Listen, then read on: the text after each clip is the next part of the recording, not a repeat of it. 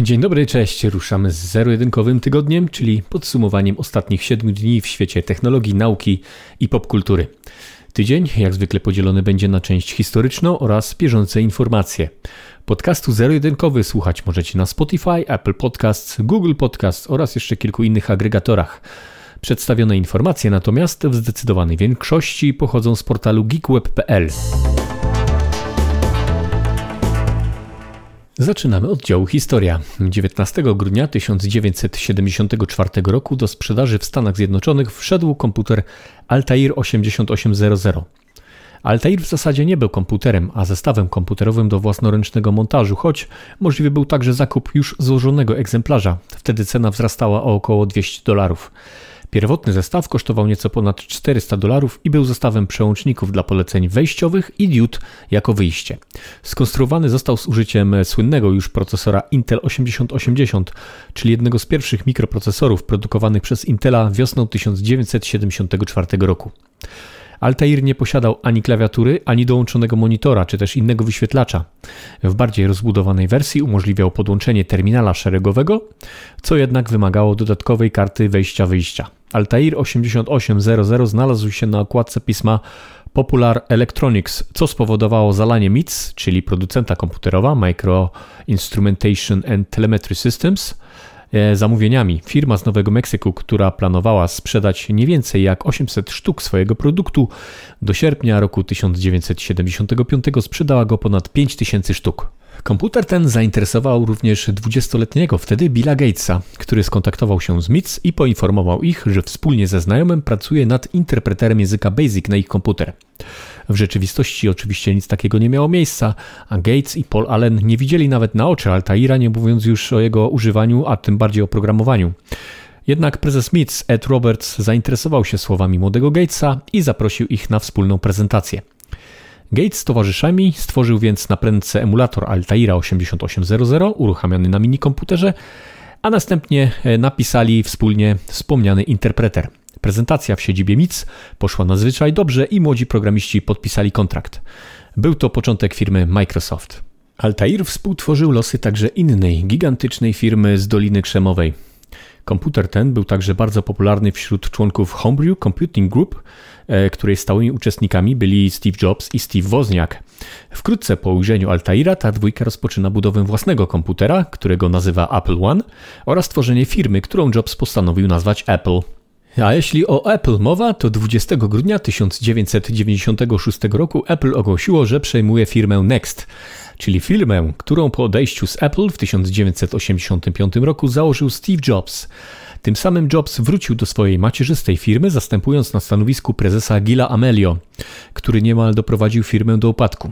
Jobs na początku zajmuje dość kuryzalne stanowisko tymczasowego prezesa, na którym zarabiał dolara miesięcznie, a samo Apple przejęło od Next technologię, która stała u podstaw stworzenia systemu Mac OS X, a który to z kolei leży u podstaw systemu mobilnego iOS. Premiera pierwszej generacji komputerów iMac w 1998 roku pozwoliła lokomotywie Apple wskoczyć z powrotem na tory.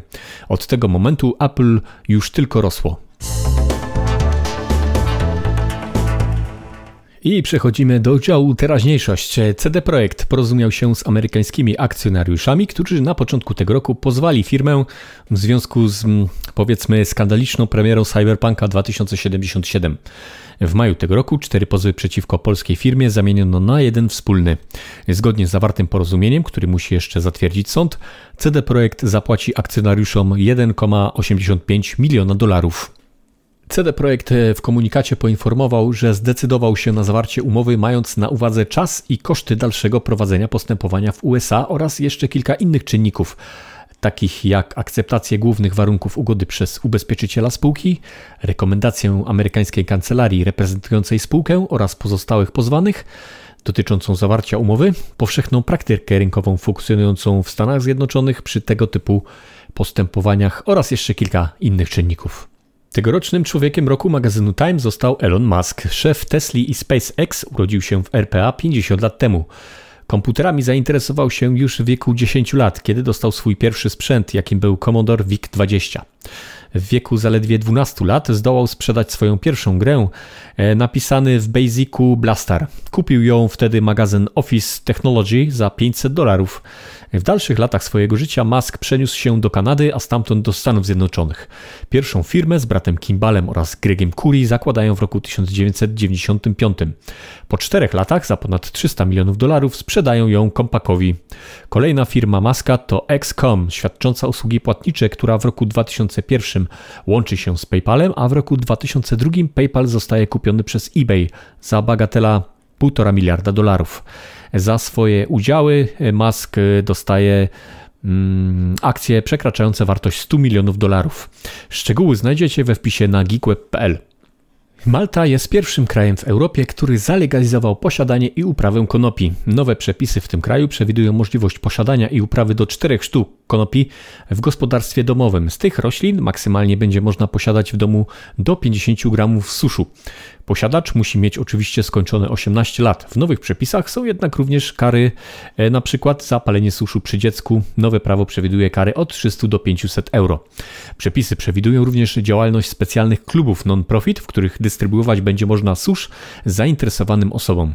Każda osoba będzie mogła otrzymać do 7 gramów suszu dziennie, maksymalnie jednak do 50 gramów miesięcznie.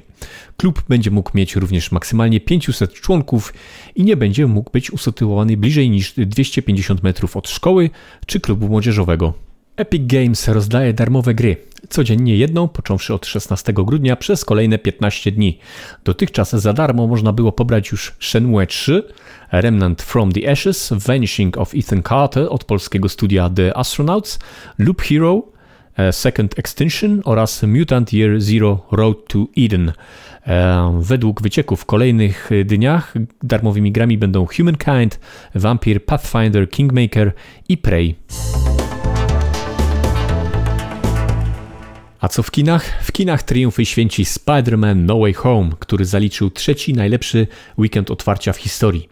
Lepsze od pająka byli jedynie Avengersi z Endgame oraz Star Wars Force Awakens. Według najnowszych liczb trzeci Spider-Man z Tomem Hollandem w roli głównej przyniósł już na całym świecie ponad 600 milionów dolarów przychodu. W chwili publikacji tego odcinka w kinach debiutuje również kolejna czwarta część Matrixa. Do swoich ról wracają zarówno Keanu Reeves, jak i Carrie Ann Moss. To dobra okazja, aby w drugi dzień nadchodzących świąt wybrać się do kina. A więc spokojnych świąt życzy Wam ekipa zero-jedynkowego podcastu oraz redakcja geekweb.pl. Kolejny tydzień usłyszycie za tydzień. Subskrybujcie podcast zero-jedynkowy na Spotify, Google i Apple Podcasts. I do usłyszenia.